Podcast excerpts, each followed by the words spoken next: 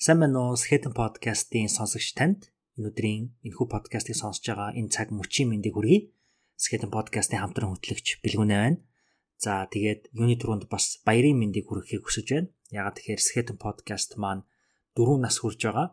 Хамгийн 2017 оны 11 сарын 19-нд Skeleton podcast маань хамгийн анхны дугаараараа хүрж байсан. Тэр үеэс хойш 4 жил өнгөрсөн байна. Та энэ өнгөрсөн 4 жилийн хугацаанд магадгүй анханаас нь ахуулаад магадгүй сонсоод хэдэн жил болж байгаа магадгүй саяхнаас эхэлж сонссон байж магадгүй гэсэн хэдий ч хэдий хугацаанд хамт байснаас үл хамааран скетинг гэр бүлийн нэг хэсэг байдаг танд маш их баярлалаа. За подкастыг эхлэхээс өмнө баяр хүрхээс гадна дахиад нэг сонирдуулахыг хүсэж байгаа хоёр зүйл байгаа. Тэд тэр хоёр зүйлээ сонирдуулахаас өмнө энэ удаагийн 127 дугаар дугаарыг зочноо танилцуулъя. Энэ подкаст дугаарыг Skeleton podcast-ийн 4 жилийн ойн хүрээнд хийгээд Даян дэлхийн нэр төрөө хамгаалах нэр төрөө эрхэмлэх өдрийг нэг сарын хугацаанд тэмдэглэн өнгөрүүлж байгаагийн хувьд яг энэ хүрээнд бэлтгэсэн дугаар байгаа. Тэгэхээр удаагийн зочин маань Даян дэлхийн нэр төрөө хамгаалах эрхэмлэх хөдөлгөөний Монгол дахь элч төлөөлөгч Гал нямын уянгагч оролцсон байгаа. Тэгэхээр нэр төр хүний эрхэм чанар гэдэг бол яг тэр юмаа гэд хэлэхэд айгүй хэцүү сэдв юм шиг боловч магадгүй та энэ подкастыг сонсоод дуусах үед нэр төр гэдэг чинь энийг хэлээд байгаа юм байна штэ гэдэг дээр айгүй сайхан гоё зэгцтэй ойлголт аавна гэдэгт бол ихтэй байна. А бит хоёр зөвхөн нэр төр гэдэг сэдвийн хүрээнд бол ярихаас гадна өөрийгөө бүтээх тухай ярилцсан нь магадгүй бас энэ удаагийн подкастын маш том онцлог байсан болов уу гэж би бодож байна.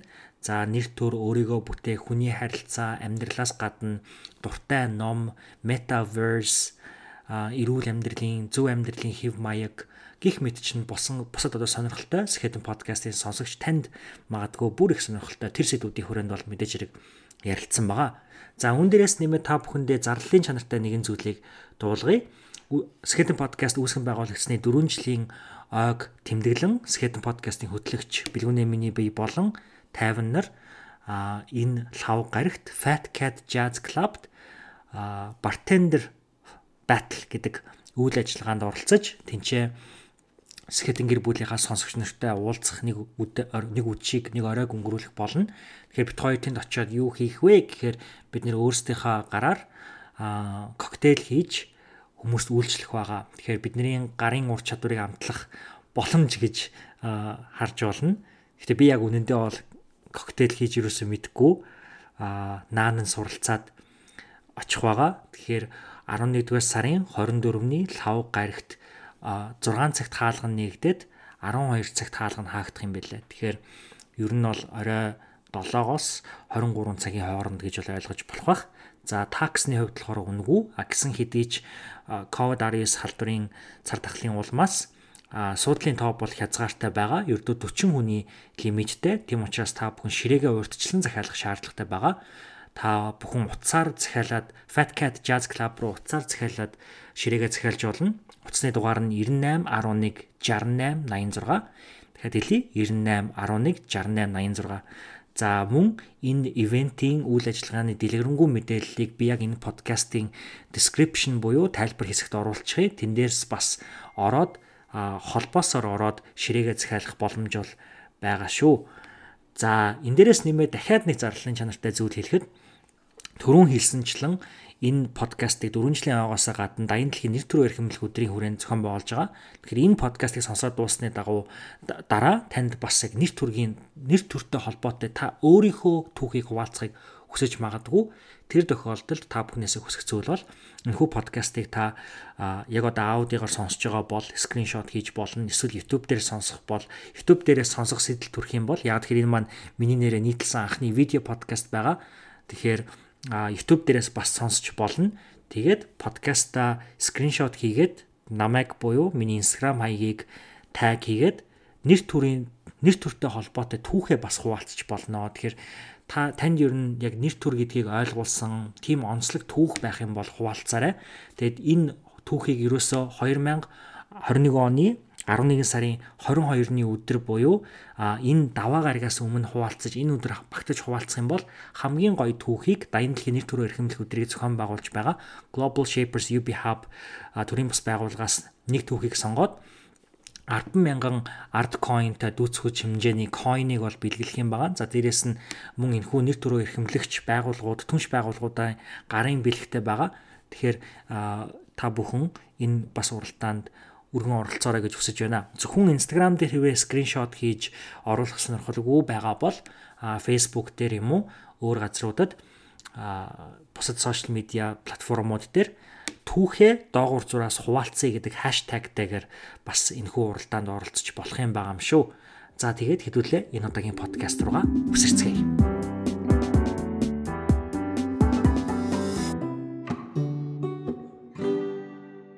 Сайн байцгаана сонсогчдоо Skeleton podcast-ийн 127 дугаар дугаар эхлэх гэж байна. Тэгээ энэ удаагийн дугаартаа нэгэн хүндэт зочинтой байгаа. Манай зочин маань Art Properties компани гүйцэтгэх захирал Тэнгэрлэг Media Group-ийн тузын дарга уянгаагч маань хүрэлцэн ирсэн байна. Таны өдрийн мэндийг хүргэе. Өдрийн мэнд хүргэе. Тэгээ намайг подкастт урьж оролцуулсанд баярлалаа. Чи борын намайг танилцуулчихсан. Уянгаа гэдэг тэгээд Art Properties компани компани гүйцэтгэх захирлаар сүүлийн 5 жил ажиллаж байна аа Тэнгэрлэг медиа группийн тууцын дараагаар сонгогдоод бол удаагүй. Аа. Тий.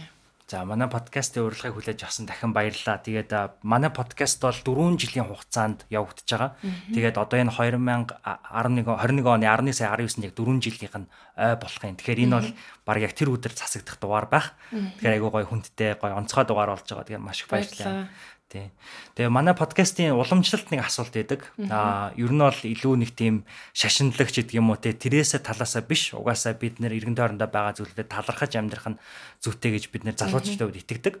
Тэгэхээр таны ер нь сүүлийн үед амьдралдаа хамгийн их талархаж явж байгаа эсвэл талархам тийм үү болсон үйл явдал те тийм талархлаа хуваалцаж бид нартэй нэвтрүүлгээ эхлүүл.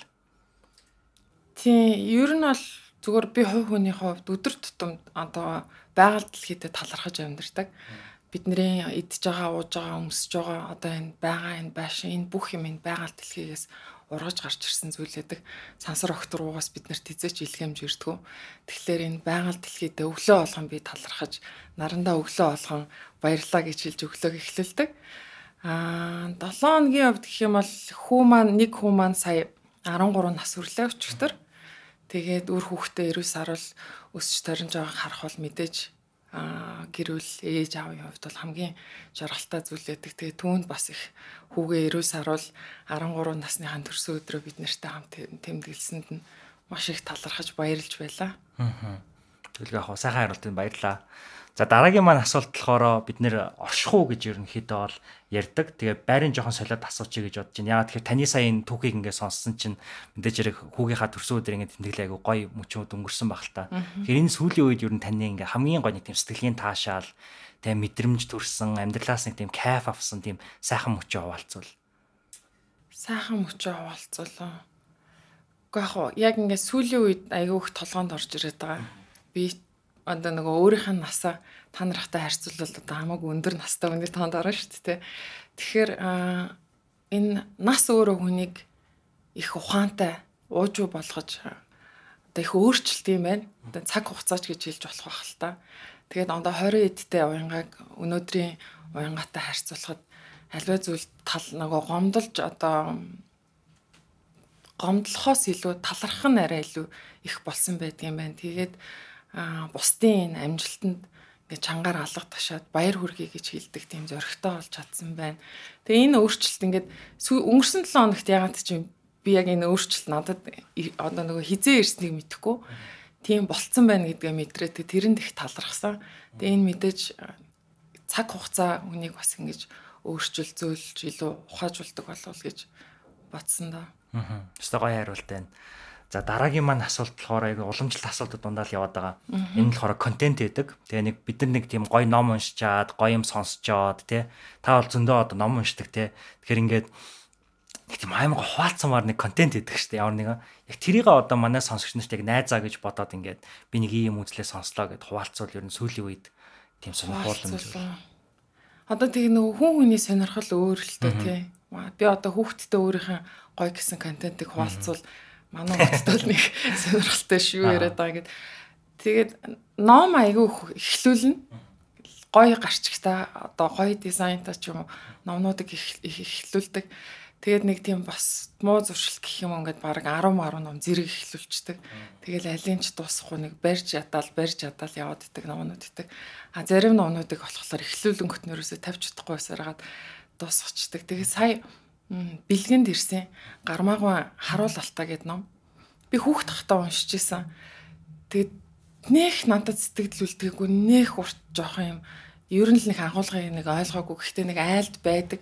Тэг тэр үед ч номын сонголт жоохон цөөхөн байдаг гэсэн болохоор нэг байгаа юмдаа тааруулаад уншижсэн. Гэхдээ яг үүндээ нэг тод юм нөгөө нэг сэтгэл үлдээгээгүй. Тэг сая тэр номыг дахиад ирэхээр нь уншлаа. Харуулалтаа гэ та нар бараг уншаагүй баха. Заавал уншаараа бүр гоочны. Гармаа гочд өөрөө 1937 онд төрсэн хүн гэхээр чинь тэр 50 60-аад оны үед бичигдсэн ном баг. Маш сонирхолтой.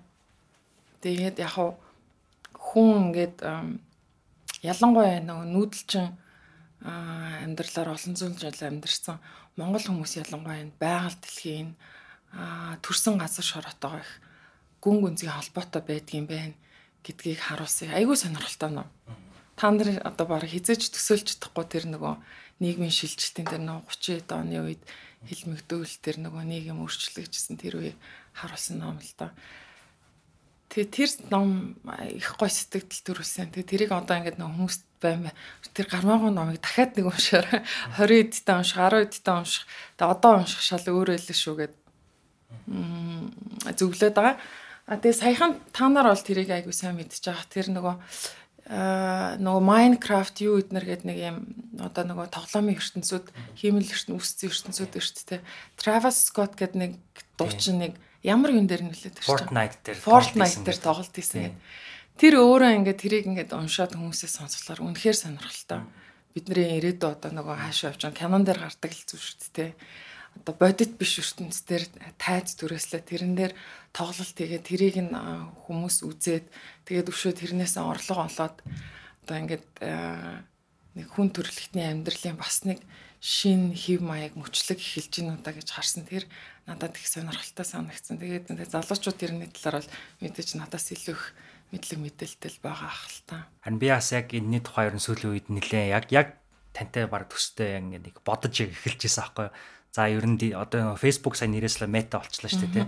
Тэгээ яагаад ингэ солилцсон бол гэнгүүт нөгөө Facebook чинь жоохон ингэ нэр муутай байсан шүү дээ. Тэгээ сольчуу гэсэн чинь яг үнэндээ бас тийм хүүхдүүдийг ингээд шал өөр ертөнц үүсээд байгаа. Тэр ертөнцид илүү тааруулж бүтээж байгаа юм байна гэдэг чийсэн. Тэгэхээр та айгүй гоё тийм цаг үе мэдрээд тий айгүй гоё юм хуваалцлаа гэж би бол бодож байна тэр. Би энэ дэр нэг юм нэмээд хэлчихэд ер нь бол одоо энийг юу гэдгийг нөгөө интернет тоглоом энэ нөгөө интернетийн хэрэглээ захим хэрэглээ хүүхдтэйг хязгаарлах ёстой одоо ингээд хитрхи донд чинь гэдэг мэдээж энд нөгөө хязгаар нь зүг байх ёстой. Тэрнээс биш энэ хэрэглээг хүүхдүүдээсээ бүр ингээд нөгөө хороод хориглоод байх нь өөрөө буруу байх болов тэр одоо э, хэрэглээг хүүхд өөртөө зөв дадуулаад тэрнээс өөртөө хэрэгтэй мэдээллүүд олж авах хэрэгтэй болов гэж боддог. Тэгээ тэр зүгээр өөрийнхөө хүүхдүүдээр жишээ аваад ботход яг нөгөө нэг хичээлдээ яваад харж ирээд гэрийн даалгавраа хийгээд ингээд тэгээд ингэсээр ад ямар ч гэсэн хамгийн багадаа 2-оос 3 цагийг бол хүүхдүүд тэр ертөнцтэй одоо ингээд би хүссэн хүсээгүй зарцуулаад тэндээ найз нартайгаа тэд нартэйгээ уулзч уучраа тэгээд тэнцэнэ бүр хувцс худалдаж авдаг. Одоо нөгөө өөрийн байшингаа барьдаг ингээд нэг тийм ертөнцийг тоглоомын юм шиг хэрнээ хүүхдүүдэд маань тэр нь бас тоглоомын гэхээсээ илүү юм илүү одоо энд байгаа бидний өгч байгаа энэ ертөнцөөс илүү бодит юм шиг заримдаа хандаад байгаа нь харагдаад идэг. Тэгэхээр энийг хорхосоо илүү бид нөр өөрсдөө бас тодорхой хэмжээний ойлголттой болоод тэр нэг зохистой хэрэглээнд нь дадуулах тал дээр анхаарах хэрэгтэй болоо гэж боддیں۔ Саяны яриатай холбоод ярих. Тийм маш гоё зүйл хаваалцлаа. Одоо яалтчгүй л NFT те ингээл бүх ингээ виртуал гэж бодож исэн зүйлүүд жинхэнэ үнэт зүйл болоод өнөөдөр нилээн бас энэ зүйлүүд яг бидний үргийн хэрэглээнд баг нэвтрээд штэ те. Тэгэхээр яхаа аргагүй би бол санал нийлж байна. Маш их баярлалаа. Тэгээ та энэ номон дээр одоо энэ номыг нөгөө бэлгэнд авсан гэж хэлж штэ те. Тэрнтэй адилхан би зур нэмээд нэг юм асуучаад та бусдад бусад хүмүүст хамгийн их бэлгэлдэг ном юу вэ? Ер нь бусад хүмүүст хамгийн их бэлгэлдэг те. Манай нөхөр бит хоёр нэг номонд айгүй дуртай. Жижигхэн. Tuesdays with Mori Аа миний дуртай. Дуртай байдаг Мич альбом ээ. Тэгээ дараа нь Мич альбомын нилээд ноноод уншсан. Тэрээсээ таалагддаг ганцхан тэр ном л аягүй гоёс. Тэгээ тэр өөр аягүй жижигхэн штэ тэгээ нэг 2 3 цаг шаардлагатанд бараг төвлөрөөд унших юм бол тэр номыг би хүмүүст маш их бэлгэлсэн. Гадагшаа болгонд одоо ч гэсэн ингээл чимдааныхан зайн тааруулаад 3 4-ийг авалт хүмүүст бэлгэлэх дуртай. Тэр нэг амьдралын одоо яг энэ нэг аз жаргалтай байх амьдралын үнцэн хаана байгаа юм хүмүүсийн харилцаа хаана хамгийн аз жаргалтайгаад ямар тохиолдолд айгүй онцгүй байдлаар төгс айгүй сонин сонин сэдвүүдийг богинохон богинохон гой хөндөж авсан ном те тэр номыг их бэлгэлдэг сүүлийн бараг 15 6 жил тасралтгүй хүмүүст бэлгэлж байгаа санал болгож байгаа Би яг хамгийн анх найз хүнтэйгээ болцоонд явахдаа яг тэр номыг бас олоод яг бэлгэлж исэн. Чи нөгөө хамгийн анх ялангуяа англи хэл сурж байхад нөгөө хэллэг нэг тийм хүнд биш те. Амар хөнгөн. Амар хөнгөн амар гоё. Ойлгоход амар нөө. Тийм. Стогоо хариултаа баярлаа. За дараагийн одоо яг энэ уламжлал асуудлуудаас хамгийн сүүлийнх нь болохоор зуршил гэж байгаа. Тэгээ бид нэг амьдралдаа санаатай санаандгүй янз бүрийн л зуршлуудыг ер нь бий болгоцсон байдаг те. А тэгээ би бас энэ хариулт асуултыг өчгтөр бодож исэн чинь заримдаа бас нэг тийм амьдралдаа хэрэгжүүлэхгүй байгаа зуршлыг хүртэл хүн мэд мэдчих хэвээр байна гэж бодсон хгүй. Жишээ нь би бясалгал хийх дуртай мөртлөө ойрд юусоо хийхгүй байгаа. Тэнгүүд нөгөө хийх ёстойгоо мэдээд байгаа тий. Тэрнтэй адилхан танд ер нь санаатай санаандгүй хэрэгжүүлж байгаа эсвэл хэрэгжүүлэхгүй байгаа тийм хуваалцмаар дадал зуршил байвал. Яа эмхтэн хүн болохоор би нөгөө нэг энэ эрүүл зөв хоолтыг өөрийнх нь дадал зуршил болох ёстой гэж боддог. Тэ бусад хүмүүсийг ч гэсэн одоо надад заягцсан энэ би ганцхан би энийг одоо хинтэж хувааж чадахгүй. А тэгтээ надад энэ дахиж бас оногдохгүй. Тэгэхээр энэ өөрийнхөө идэж ууж байгаа амьдралын хэм маягийг аль болохоор эрүүл зөв зохистой байлгах гэж хичээдэг. Тэгээд урд нь ч гэсэн нэг ярилцлаган дээр хэлжсэн. Цэвэр ус бол миний одоо нөгөө байн хэрглэж авах хэвээр хамгийн сайн дадлуудын нэг гэж боддог. Би өөрөө дасгал хөдөлгөөн их дуртай. Гэхдээ тийм нэг хүчтэй биш юм хөнгөн шиг. Тэг сүүлийн ковидоос болоод тэгээд нөгөө ажлынхаа бас ачаал цагийг өөрөө та зөв тааруулж чадахгүй байгаа учраас ерөөсөө дасгал хөдөлгөөнө хийж чадахгүй байгаа. Тэрэндээ ингээл жохон хямраал гэдэг үе хямраал гэдэг. Тэгэл яг айлхаар лифтээр явахгүй шатаар гүрчгэл нэг ойрхон зайд бол эвтэйхэн гутал өмсөж ирээд алхаад ажиллаа амжуулж авах сонирхолтой ч юм уу. Тиймэрхүү байдлаар нөгөө чадахгүй байгаа дадлуудаа нөхөх байдлаар л хичээгэл байгаад байгаа да. Гоё хариултаа. Тань таны хувьд ингээд ер нь 7 хоногтой ингээд яг энийг л ер нь хийчихээр бусад ингээд амьдралынхаа дадал зуршлууд бас ингээд нэг зөвшөрчдөг нэг тийм зуршил байдаг шүү дээ. Яг нэг л юм хийхээр бусад юмнууд нэг аягүй гоё болоод идэг. Тэр нөгөө keystone habit гэдэг юм байлээ л дээ. Тийм тулгын чулуу зуршил гэх юм аашин те ингээд тэр байхгүй бол ингээд тоон өмөрчдөг. Тэгвэл ингээд хамгийн түрүүнд бас хоолноос гадна эрүүл хөдөлгөөнөөс гадна өөр ямар дадал зуршил юм бодогдчих. Яг нөгөө ялангуяа бүтсэн өдөр нөгөө эх 7 хоногийн ажлуудыг аягүй сайн төлөвлөх хэрэгтэй байдаг.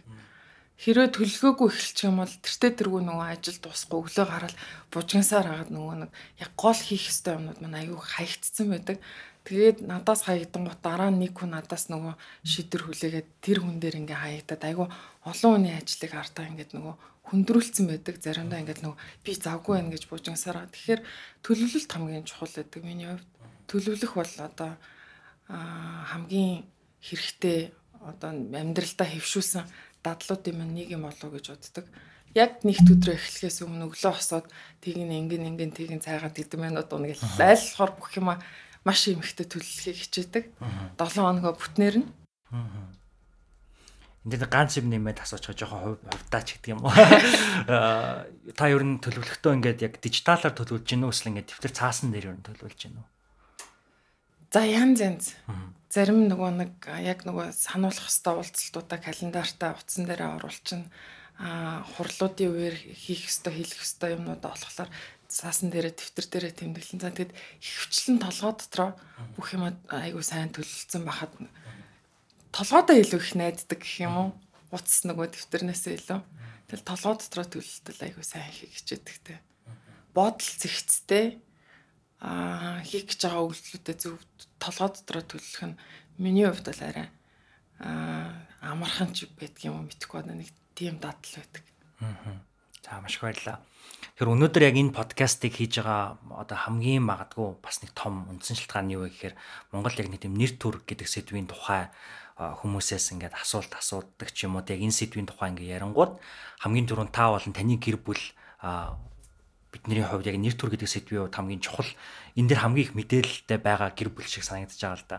Тэгэхээр зэрэг яагаад үг гэхээр нэр төр яагаад чухал гэдгийг уусаа ингээд аян дэлхийд даяар хумсарлаад те дайны дэлхийн нэр төрөө харамгаалах өдөр хайрлах өдөр гэдэг ингээд жил болгон 10 дугаар сарын 3 дахь 5 гараг тэмдэглээ явж байгаа шүү дээ те.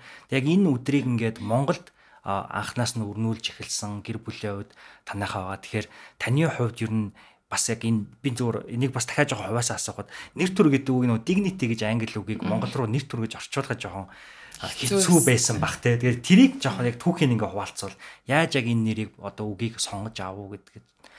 Яа цаанаасаа нөгөө global dignity day гэдэг тэгээд энэ өөрөө айгу айгу сонин төвхтэй байгууллага л та энэ global dignity гэдэг энэ хөдөлгөөн олон улсын хөдөлгөөн өөрөө 2005 онд дэлхийн эдийн засгийн форумд Young Global Leaders гэдэг нөгөө залуу манлайлагчд гээд шалгаруулдагчтай жил болгон тий. Тэгээд тэнд шалгарсан залуу манлайлагчд энэ dignity гэдэг зүйл бидний амьдралд аюу хорхигдож чинь дутагдж чинь гэд. Тэгээд энэ хөдөлгөөнийг анх санаачлаа. Тэгэд энэ эхлээд бол яг нөгөө дэлхийн том том лидер тэ байгуулгын олон улсын байгууллагуудын одоо тэгээд тэр хаан хатад гэдэг нөгөө нийгэмд нөлөөлөлтэй хүмүүсийн хөдөлгөөнийг санаачлын ийм зүйл одоо бид нарт аюу хөвгүүлэгдэж чинь дутагдж чинь 2005 оноос ихтэй юм бэлээ. Аа одоо бол энэ үйл ажиллагаа маань өөрөө өргөжөөд дэлхийн 80-аад улсад сая шахуу хүүхд хүүхд залуучуудыг жил болгон хамруулад хийгдэж байгаа. Аа тэгээ бидний хувьд болохоор 2009 оноос аа энэ хөдөлгөөнд яг нөгөө Монгол улсаас төлөөлөд ингээ та нар Монголдоо яг энэ дэлхийн бусад улсуудад хийж байгаа жишгийн дагуу юм үйл ажиллагаануудыг хийгээч гэдэг санал тавьсны үүднээс аа нөхөр маань одоо энэ үйл ажиллагааг санаачилж хийж гисэн.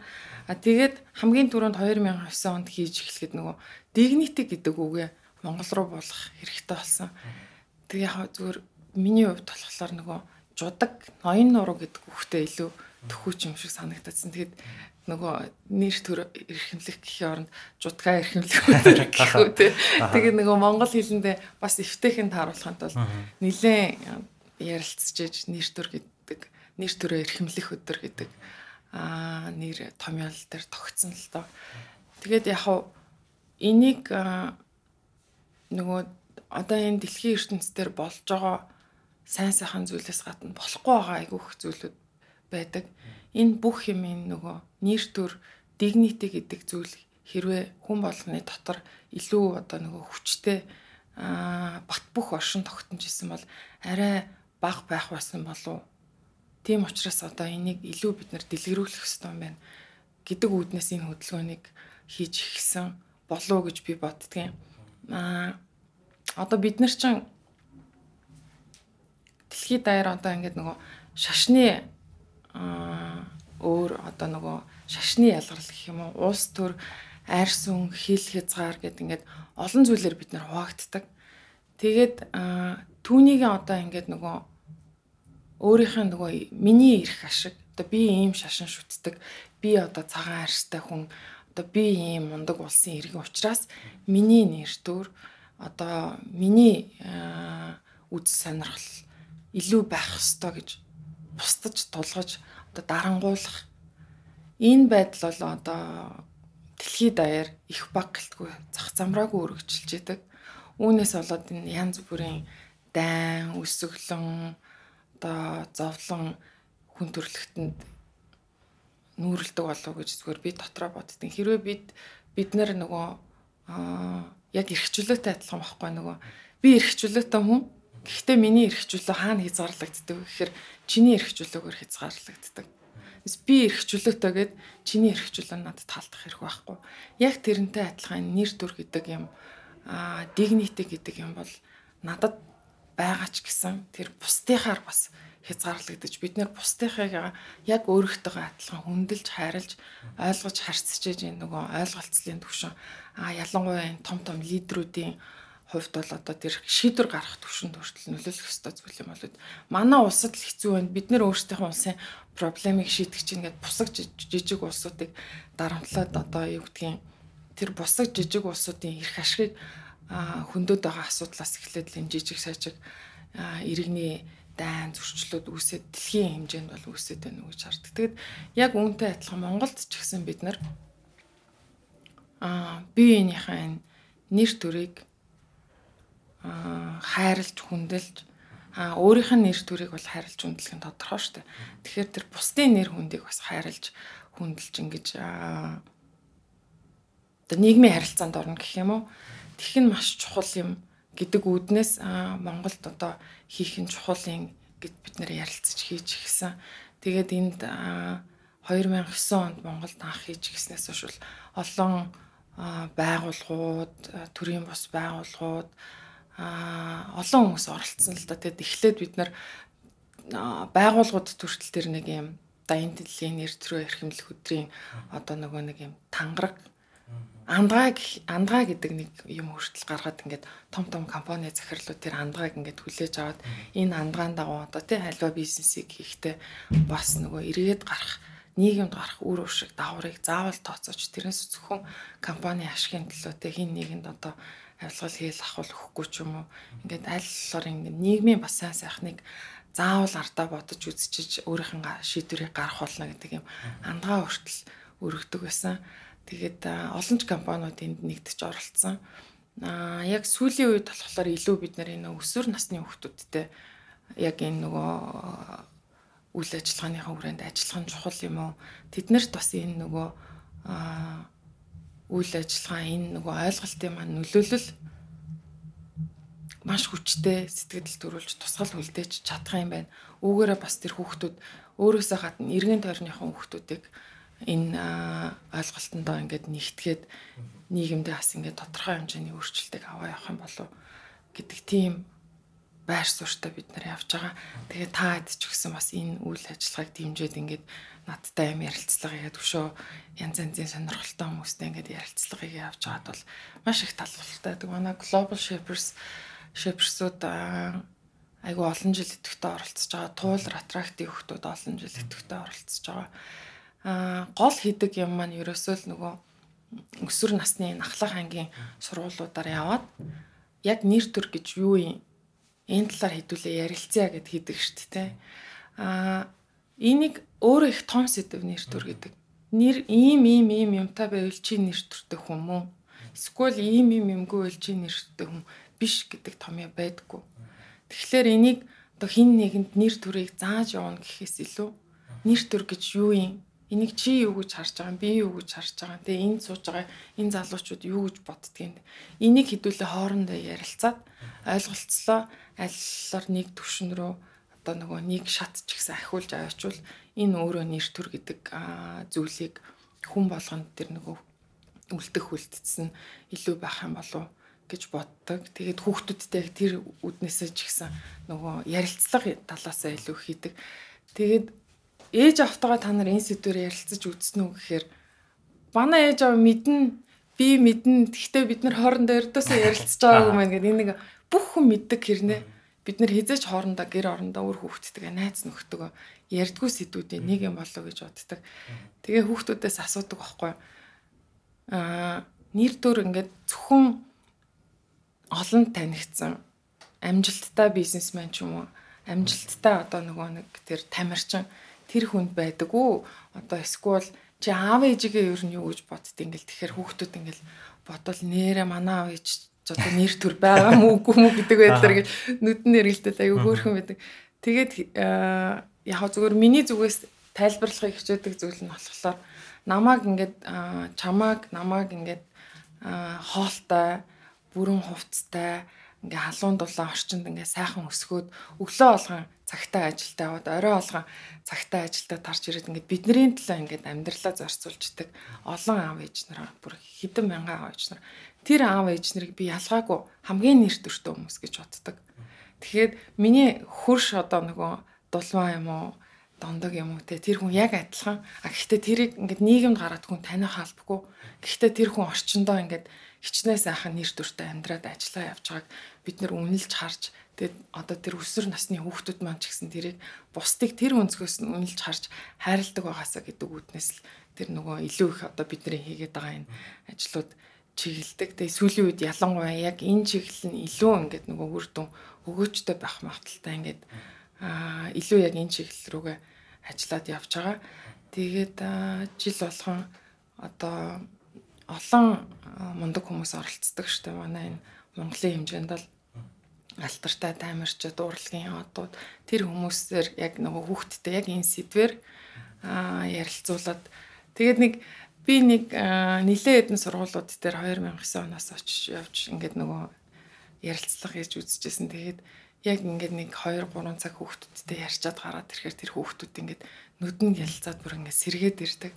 Тэгээ анги хамт олны уур амьсгалч гэсэн аюух өөрчлөгдөг. Дараа нь надтай нэг хүүхд харалтчаад баярлаа гэд хэлжсэн. Тэгээд аа тэр ангид одоо ингээд сул муу нэлийн олон жилийн дараа таарч байна. Тийм, олон жилийн дараа таарч байна. Та манай сургууль дээр ирж ирсэн ингээд тийм үү би аль жаал сургууль дээр л тэр сургууль дээр ирсэн. Тэгээд яг энэ тэр нэг ярианы дараа манай ангийн одоо бидний уур амьсгал айг өөр болсон шүү дээ. Тэгээд амар муу сурдаг, муухай хөвгт гэдэг дутдаг байсан хөвгтөгөө бид нар найз олоод нөгөө нэг амар их цантаа гэд одооддаг байсан хөвгч нь бас их цантаа биш бол тараад бид нар ингээд найз олоо. Тэгээ манай тэр хамт олон ингээд арай өөр одоо байдлаар нөхөрлөө. Тэгээд манай тэр төгсөлд айгүй амжилттай бүгдээрээ амжилттай төгсөөд бүгдээрээ амжилттай сургуульд илсэн гэдээ ярьжсэн. Тэр өөрөө ингээд надад энэ жижигхэн юм хийгээд байгаа юм шиг боловч хэсэг бүлэг юм хүрэл хүмүүсийн амьдрал тодорхой хэмжээгээр өөрчлөлтийг оруулах чадна гэдэг нь айгүй том шагнал бөгөөд нөгөө үр дүн юм болоо гэж бодож байна. Тэгээд тэндээс гараад тэр хүүхдүүд ч гэсэн тэр өөдрөг юм сайн сайхан нэр төртөө байх тий өөрийнх нь нэр төрийг эрхэмлэх түүнийхэн дагуу бусдын нэр төрийг хүндэтгэж үздэг хайрладаг байх тэр нэг зарчмуудыг сурсагт бусдад ч гэсэн нэг чи гараа 5 хүн түгээгээд нөгөө 5 хүн дахиад 5 хүн түгээгээд явхад бид нар тэг хурдан биш юм ахэд тодорхой цаг хугацааны дараа бас нэг арай гэвэлэг өөдрөг нэг юм болоход болохгүй зүйл гэж байхгүй л гэж байна бид нөгөө энэ подкастыг бичгээсээ өмнө хоёлаа нэг уулзаад жоохон яриа ингээ хийсэн штэ. Тэгээд би ингээд зураглаач нарынхаа багтаагаа хамт бид бас нэг сургууль дээр очиод тэгээ хүүхдүүдтэй ийм одоо хүүхдүүд оддоос ярилцлага авсан энэ төрлийн форматын нэвтрүүлгээс аахгүй. Тэгээ би нөгөө хүүхдүүдтэй яг оддтой уулзахаас өмнө ярьжлаа юм л да. Тэгээд би асуусан нэр төр гэж юу вэ гэдэг жоохон хүүхдүүд 5 6 дугаар ангийн хүүхдүүд. Тэгсэн чинь хүүхдүүд ингэж хариулсан. Ингээ айгүй олон хүмүүс таньдаг те. Ингээ айгүй мундаг чадварлаг гэдэг ийм ах эгч нарыг нэр төртөө өнгөж хэлдэг гэдэгсэн аахгүй. Тэгэхээр нь яг таны нөгөө одоо таны аав ээж нар чинь нэр төртөө юу гэдэг энэ асуулт надад толгойд орж ирээд шууд би тэгвэл таны аав ээж чинь нэр төртөө юу гэ гурван хүүхдээс зэрэг асуусч гурлаа нэр төртөө гэдэг ингээд шууд хариулж байгаа аахгүй. Тэгэл яг тэр нэгэн асуултаараа тэр хүүхдүүдийн нөгөө олон танигдсан те ингээд мундаг одоо айгүй олон хүн л мэддэг бол нэр төртөө гэдэг ойлголтыг яг нэг асуултаа шууд ивдсэн. Тэгээ энэ бол яг үнэхээр ингээд шууд та ингээд айгүй өөрийнхөө туршлага дээрээс бас нэг ийм айгүй гоё томьёо гаргаад ирсэн чинь ингээ ажиллаж ийн лээ шүү гэдэг би бас хуваалцсамаар санагд санагдлаа. Нэг охин нилээ хэдэн жилийн өмнө 12 онд хаа. 21 дугаар сургууль дээр санагдчихэж байна. Би тэд бас яг ер нь нөгөө нэр төрийг яг ярилцаад ингээд нөгөө ойлголцлын бас нэг төвшөнд ингээд байхын тулд яг нөгөө ахлах ангийн хүмүүстэй байвал бас нөгөө арай юмны наан цааныг ойлгодог болсон хөлтөд учраас ярилцахад арай амарч гэх юм. Тэгсэн нэг охин нэр төр гэж юу вэ гэсэн чинь айгу тэр баг яриа эхлэхээс өмнө гараа урга хариулсан. Тэр хариулт одоо хүртэл бүр тэр охины хоолоо нэгэд миний чихэн сонсогдоод итэ. Нэр төр гэдэг бол хинт ч харагдахгүй. Тэр бол одоо ингээд миний хувьд бол би нэр төрийг хэдэн жилийн дараа илээ бүр ингээд маш том нэр төрөө өөрийнх нь нэр төр үг үйлдэлээрээ байшин барина гэж боддог. Би өдөр болгоо нэг тоос уцуулна. Тэр тоосоо одоо би аливаа хин нэгэн хүнд хийсэн сайн үйлдэлтэй одоо сайхан үг зүгээр л инээмсэглэж байж болно. Тэрнгээрээ би өдөр болгоо нэг тоос уцуулна. Тэр тоосоороо би ингээд хідэн давхар ямар ямар ийм ийм гоё байшин барина. Гэхдээ тэр байшин хинч харах ал байхгүй. Бараг хинч харж чадахгүй байх. Тэр байшин миний дотор байна тийм байшинтай байхад би ингэн тэгнэ гэд бүр би бүр өөрөө өстой амар гайхад амар баярлсан. Тим зүйлийг бас боддог. Одоо тим зүйлийг хийн хэрэгжүүлнэ гэж аа өөрийнхөө амьдрал зориг тавьсан хүүхдүүд нэг биш нэлээд л хэд байдаг бах. Надтай тааралцсан л тэр охин байж тааралцсан баг. Гэхдээ энэ сэдвийг аа мэдэн мэдэн гэд орхихгүй ш ингээд бүгдээрээ ингээд нэг хаяач гисэн. За бүр жилдээ нэг удаа ч гисэн хамт олонныхаа дунд нэг цайны цагаараа ярьцдаг сэдв болгоод аав ээж маань хаяа нэг үр хүүхдүүдтэйгээ ярьцдаг сэдв байгаасаа гэж хүсдэг. Тэр л одоо энэ байгуулгын бидний хийх гэж байгаа үйл ажиллагааны үр дүн байх болно. Би дөнгөж цай сая наашаа алхаж ирж байна. Алхах гэсэн чинь машинууд ингээд нөө зам дээр ингээд битүү тавьсан. Тэгээ нөгөө бас хувцас шороо болохгүй гэхээр заавал машин зам руу гараад өөр машин явж хат нэг садаа болж алхаж байгаа байхгүй наашаа эрэхтэй. Тэгээ бодчихсэн бид нэр ингээд нэг альва ямиг жижиг зүйлээс л уул нэхлээ датчвал тэр нөгөө зам дээр машинаа тавьсан хүн бол айгүй чухал ажилтаа байгаа байхгүй бас дотроо тий За за миний ажил чухал юм чинь ингээд зам дээр машина тавиад ажиллаа бүтээх гээд явцсан л байгаа. Гэтэл тэрийг ингээд зөрж өнгөрөх байгаа нөгөө хэдэн зуун машин бас л чухал ажилтаа байгаа байхгүй уулан тий. Тэгэхээр нэг юм биеийнхээ амьдралд юм садаагүй хүндэтгэлтэй байна гэдэг бол жижиг зүйлээс л эхлэх байх гэж боддгийг.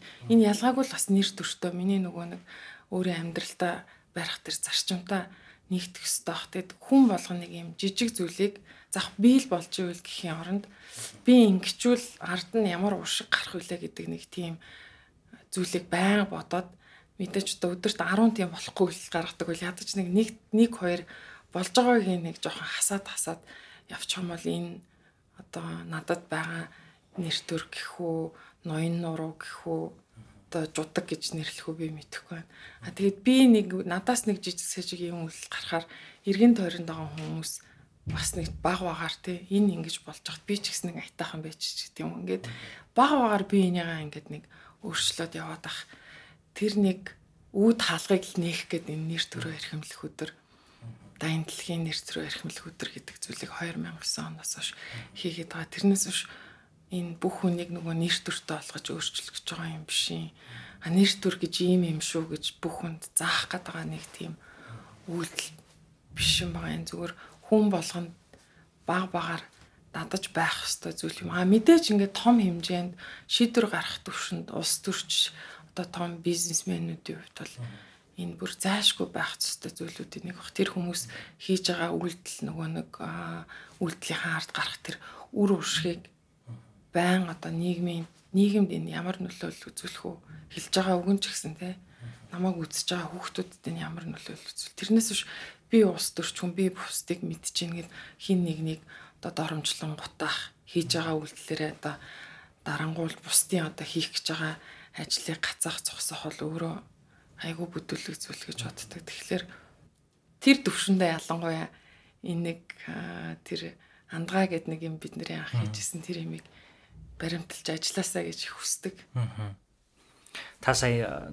нөгөө тэр охины хэлсэн үгийг ингээд хэлэхэд ингээд миний хүртэл ингээд шар ус басаал те нэг дотор арзааж байна л да. Тэгээ би бас энэнийг ингээд бод яагаад магадгүй тэгж юм гэхээр бид нар би өөрөө global shaper болсон сая. Тэгээд бид нэр ингээд зураглаач нарынхаа багтайгаа хамт бас сургууль дээр хүний эрх зүйч тэг хамт ингээд яваад тэгээ ингээд эрх зүйч маань хүүхдүүдэд юуны тухай ярьсан бэ гэхээр хүн өөрийгөө нөгөө олдохгүй хүн өөрийгөө бүтээдэг гэдэг нэг юм зүйл ярьсан байхгүй юу. Тэгэхээр энэ охины маань нөгөө хилээдсэн зүйл нь ингээд өдрө болгон нэг тоосго өрөөд ингээд би өөрийгөө бүтээн. Гэхдээ тэр бүтээж байгаа нь хүмүүст харагдахгүй надад л чухал эрхэмгээ ярьж штэ тэ. Тэгэхээр нөгөө та түрүүн хэлжсэн ингээд нэр төр гэдэг өдөр тутамдаа бид нэг ингэ ярьдаг сэдв байх хэрэгтэй гэд.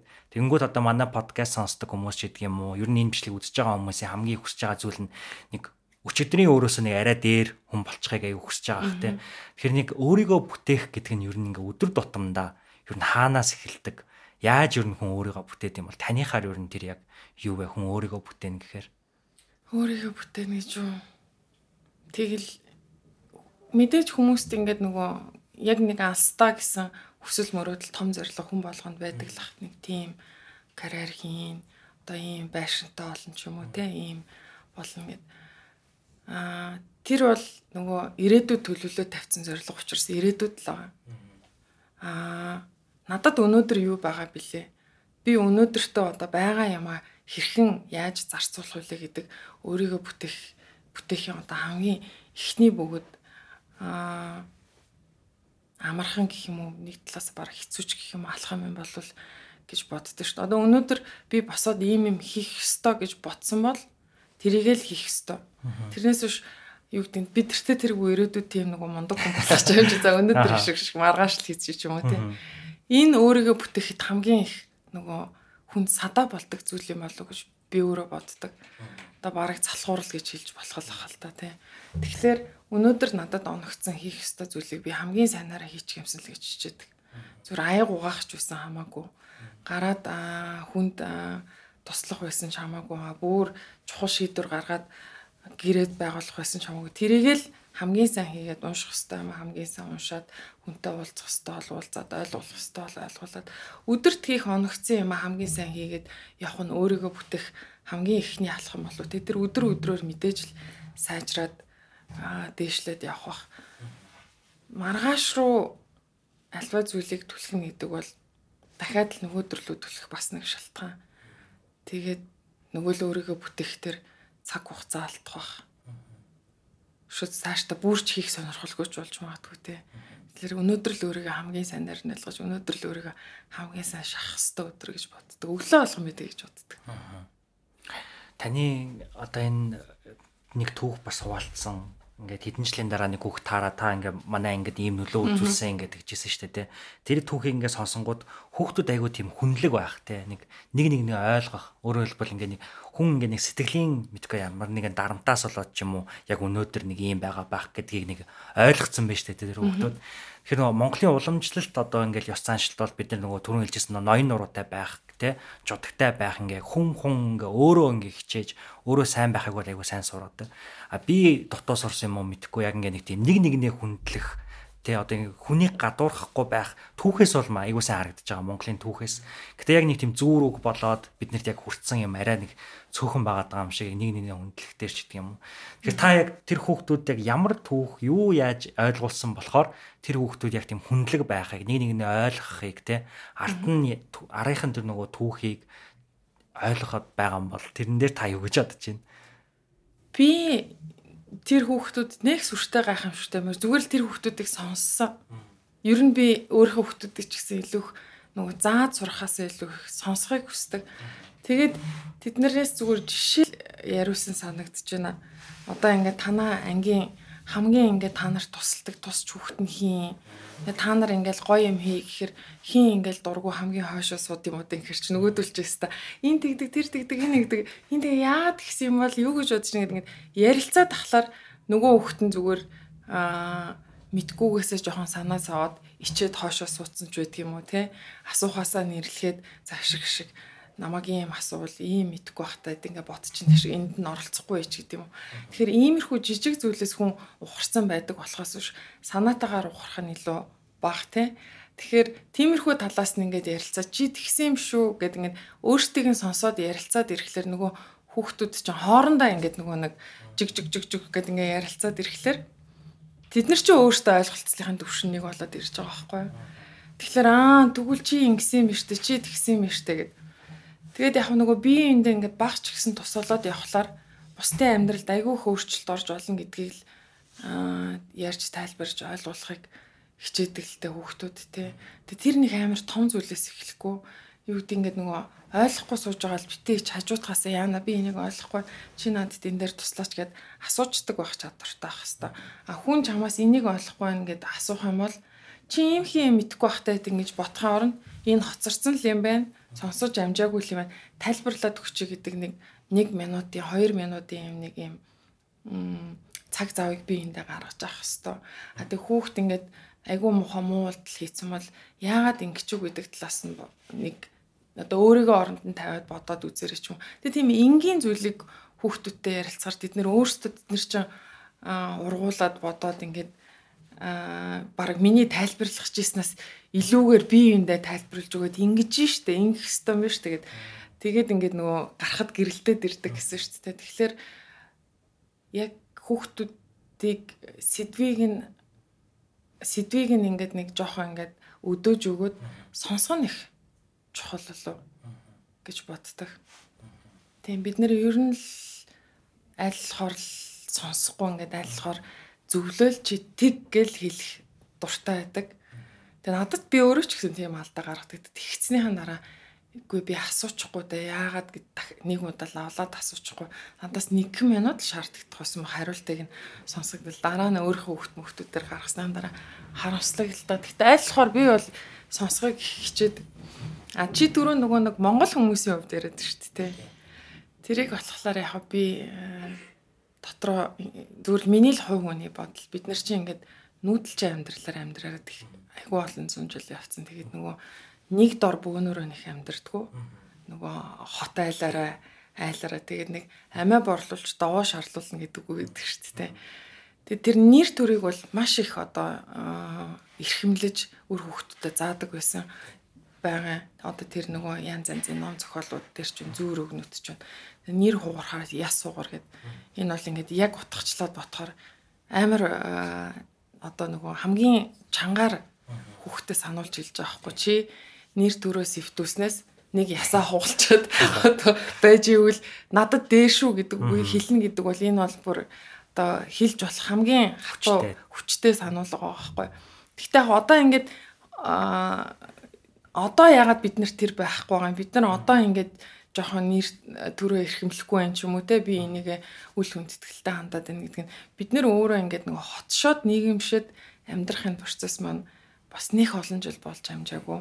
Бид нар нөгөө нэг бие биендээ сатаа болохгүй одоо бие биентэйг хүндэтгэлтэй харьцах тал дээр бас нэг жоохон тутмаг байгаад байна уу гэж хардгийг одоо тэгээ бусад нөгөө олон зуун жил ингээд хотчсан амьдарсан Европ энэ бусад улсуудыг харахаар нөгөө өөрийн эрх ашигаас илүү бусдад нэг садаа олчихгүй юмсан гэдэг зүйл одоо та нар бол мэдчихэж дээ хамаагүй илүү болцсон мэд манайхан болохоор эсрэгээр би л болж байвал за за яг хөө энэний асуудал дараа явах гэж одоо тэр саяны машины жишээл ахгүй. Тэгэхээр альва тандахтаа нэг юм нэг хотыг бид нар хувааж амьдарч байгаа. Нэг замыг бид нар хувааж амьдарч байгаа. Одоо нэг барилга дотор хэдий би тэр байшин худалдаж аваад дотор би амьдарч байгаа ч гэсэн орцоороо гараад явж байгаа тэр орчин бол бид нэр тэрийг хувааж хэрглэж байгаа. Тэгэхээр хогоо аяхгүй байх одоо юу гэдэнтэй чимээ шууган гарахгүй байх. Тэр нэг би энтэйгээ хуваалцж байгаа гэдэг зүйлийг айгүй сайн мэдрээд хажуу талынхаа хөштөө садаа олчихгүй доод давхрын сад айл садаа олчихгүй ингээд аливаа зүйлд хүндэтгэлтэй байна гэдэг энэ нэр төртөө одоо энэ эрхчлөө нэр төр энэ нэг би энтэй хувь хүний энэ хувийн орон зайг хүндэтгэн гэдэг бол бүгд ингээд нэг сайн ингээд ухаад болох юм бол баг нэгдмэл ойлголт юм шиг санагдаад. Тэгээ яванда суух ахalta бид эд чи одоо 100 жил ч болоог байх шүү дээ. Таны яриаг ингээд сонсонгууд айгүй тийм. Одоо ингээд яг надад бол мэдрэж байгаа мэдрэмжээр нэр төр гэдгийг та үнэхээр яг ингээд яриад дууссан шиг санагдаад байгаа байхгүй юу. Үнэхээр нэрээ ингээд сонсох те зүгээр л нэг нэгнээ сонсох гэдэг. Би бол тэр хариултыг үнэндээ ингээд хүлээгээгүй. Тэг энэ хариулт бол ингээ амар гоё хариулт байна. Тэг ингээл бодонгууд нэрэл нэр төр гэдэг чинь нэг нэгнээ сонсох ойлгох те ийм юм байна гэд ингээл бодогдлоо л доо. Тэгээд баярлалаа танд. Тэгээ би нөгөө таны таны угаасаа яриа ийм ярилцлага айгу цөөхөн байдаг интернетээр. Тэгээ ганц олд сонссноо ингээ сонсч ийсэн аахгүй юу? Тэгээ тэрнийг ингээ сонсож хагаад оо хөтлөгч маань нэг ингээ асуучихгүй яав та гэж нэг ботсон нэг асуулт байсан. Тэгээд нэвтрүүлэг маань дуусах өгч байгаа болохоор тэр асуултаа бас дахиад жоохон өөртөө зориулаад асуучмаар санагдаад байна. Тэр нь юу вэ гэхээр та түрүүн сонсох гэж хэлж илаа. Хүүхдүүдээ ч гэсэн та амар сонсдог. Ер нь тэгэхээр таны гэр бүл бол нэлээд би бинээ сонсож ойлгодог гэр бүл юм болов уу гэж бодлоо. Тэгээ энэ бодол маань юун дээр төвлөр бас гарч ирсэн бэ гэхээр та ингээд нөхрөөсөө суралцсан нэг зүйл бол ингээ уужуу байх гэдгийг та суралцсан гэж тэр нэвтрүүлэг дээр хэлж исэн байхгүй юу. Тэнгүүд миний нөгөө бодсон бодол нь тэгвэл нөхөр нь уянгаа хчээс юу сурсан бол гэж асуумаар санагдаад байсан юм л да. Тэгэхээр та хоёр ингээд би биедээ сургасан юм байгаалах тий тэндээс ингээд та өөрөө нөхөртөө хамгийн их сургасан зүйл бас манай сонсох жоохон сонирхолтой байж магадгүй гэж бодож байна л да. За одоос надаас юу сурсныг нь өөрөөс нь асахгүй бол би өмнөөс нь надаас ийм сурсан гэж хэлэхэд бол мэдэхгүй байна. Аа яг го бит хоёрын урдны тэр яг нэг л удаа яг ингээд ярилцсан гэжсэн тэрэн дээр ч гэсэн хэлжсэн. Аа миний миний хувь хүний орон зайг аа би нөхрийнхээ хувь хүний орон зайд хүндэтгэлтэй хандхыг хичээдэг. Одоо би эндээ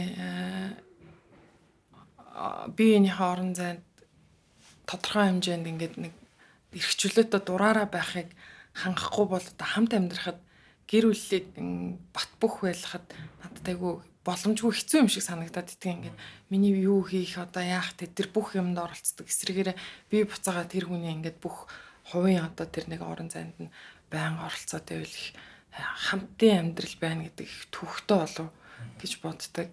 Тэгээ бид тээр чинь нэг эцэг гэхээс дөрөд хамт өсөөгүй. Зүгээр а хоёр шал өөр орчинд хоёр шал өөр гэр бүлийн хүмүүжлэр өссөн хоёр хүн би эндээ хайртай дуртай болоо сууж байгаа шүү дээ.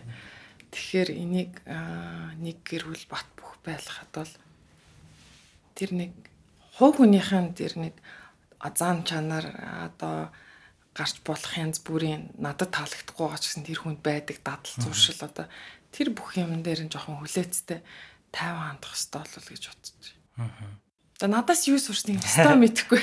Магадгүй боломж олт юм би асуунаа. Тэгээ надад хэлээрэ тэгвэл. За тэгээ. За тэгэхээр ер нь бол манай нэвтрүүлэг бол дуусаж байна энэ хүрээд. Тэгээд манай подкастын нэг уламжлалт нь юу вэ гэхээр ер нь сүүлийн баг орон зай гэж үлдээдэг аахгүй юу? Яг сайн ярьсантай ч адилхан тий. Тэгээ орон зай гэхээр одоо хөтлөгч заавал асуулт асуух хэсгөө юм шиг санагдаад байдаг надад зарим зарим үед. Тэгэхээр ингээд яг хамгийн сүүлд нь танд ингээд хоос орон цаг үлдээ. Тэгэхээр энэ удаад намайг баг байхгүй гэж бодоод та өнөөдөр төрж байгаа энэ мэдрэмжээ те магадгүй ингээд мөнхөлж үлдээгээд өнөөдөр юм байна да. Эсвэл сонсож байгаа хүмүүстэй те та нарт ингээд энийг л зүйлд нь би нэг бүр хэлмээр санагдаад байна ингээд үлдээх тэр орон зайг нь танд үлдээ гэж танд өгч байгаа шүү тэгэхээр. Чи бүр өстэй амар том орон зай үлдээ шүү дээ. Тэгээ энэ орон зайг бол та хүснээр ашиглаж болдог юм орон зай байгаа. Аа за яг нөгөө нэг юу ярихаа мэдэхгүй жоох ингэ сандраад ороод ирсэн болохоор хариултууд чинь аль болохоор аа ойлгомжтой товч тодорхой хариулахыг хичээлээ. Гэхдээ нэг бас нэг оновчтой байж чадсан уу мэдэхгүй байна. Тэгээд намайг уурж оролцуулсанд баярлалаа. Тэгээд энэ сэдвийг чухал гэж бодоод хүндөөд нэр төрөө эрхэмлэх энэ өдрийн хүрээнд энэ сэдвэр ярилцлага хийж байгаа би хувь хүний хувьд маш их талархаж байна. Энийг одоо нөгөө нэр төрөө эрхэмлэх өдөр гэдэг ингээд яриад ингээд яхалар хүний анхаарлыг нэг татдаг сэдв өөрөө биш. Тэг хүмүүс зүгээр ингээд сонсоод дандаа чихний хажуугаар өнгөрүүлцдэг сэдвүүдийн нэг. Тэгээд яг энийг чи өөрөө барьж аваад аа өөрөө бас тэр сургууль дээр очиод хүүхдүүдтэй ярилцлага хийгээд ингээд энэ сэдвийг одоо залуучууд өөрсдийнхөө одоо энэ сонсогч үзэгчтэй ингээд сэдв болгоод оруулаад ирж байгаад би хувь хүний хувьднаас маш их талархаж талархаж байна. Тэгээд дараа жил болгон болвол яг энэ 10 сард аль нэг өдөр нь подкаста яг энэ сэдвэр өөр сонирхолтой олон хүмүүстэй хийж байгаараа гэж одоо хүсье. Тийм миний тэр нэг том орон зай үлдээлээ гэж байна. Тэр том орон зайг нэлээд том юм амжуулсныхаа дараа дараа өөр сэдвээр ярилцаж орж ирээ. Тэгээд урьсанд баярлаа. Тэгээ үзэж байгаа хүмүүст бас сонирхолтой өгөөчтэй зүйл ярьж чадсан болов гэдэгт л жоохон санаа зовоод шүү. Яг би нөгөө ингээ подкаст хийж явахдаа дараагийн асуултаа бодох айгу дургу байхгүй юу. Ягаад гэхээр үнэхээр сонсомоор идэг. Тэгээд ялангуяа ингээд камертай байхаар бүр хэцүү байт юм байна. Би ер нь камертай нэх олон подкаст хийж байгаагүй. Гэтэ яг өнөөдөр бол ингээд тантай ярилцаа сууж байхад бол зүгээр л сонсоод баймаар байла. Тэгэхээр тэрнтэй адилхан яг сонсогч нар маань ч гэсэн яг тийм мэдрэмж би бол авсан гэдэгт бол өөрөө хөтлөгчөө өвч тэр сонсогчтой өвч тэр айл айланд нь ихтэй байна. Тэгээ яг үнэхээр танаас сонсъё, үг дуулъя гэдэг зүйлүүдээ бол сонсчлоо гэж идэг чинь тэгээ бидний урилгыг хүлээж авсан маш их баярлаа. Тэгээд яг энэ сэдвийн хүрээнд 2009 оноос хойш та болон таны гэр бүл, таны нөхөд тийм ээ хамт олон найзууд бүгдөө ингээ хамтдаа энэ сэдвийн төлөө, Монголын хүүхдүүдийн төлөө, ирээдүйн төлөө ингээд одоо хүртэл өнөө хүртэл ингээ өнөөдөр энэ хамт цугаа ярилцаад байж байгаа тань тань маш их баярлаа гэж хэлье да. Нэвтрүүлгээс. Баярлаа. Тэгээ энэ нэвтрүүлгийг үзэж байгаа бүх хүмүүст аз жаргал сайн сайхныг хүсье. Тэгээ хамгийн гол нь эрүүл мэнд. Тэгээд усаа сайн угаарай. За баярлалаа. За баярлалаа баяртай үзэгчдээ дараагийнхаа дугаараар иргэн болцгаая.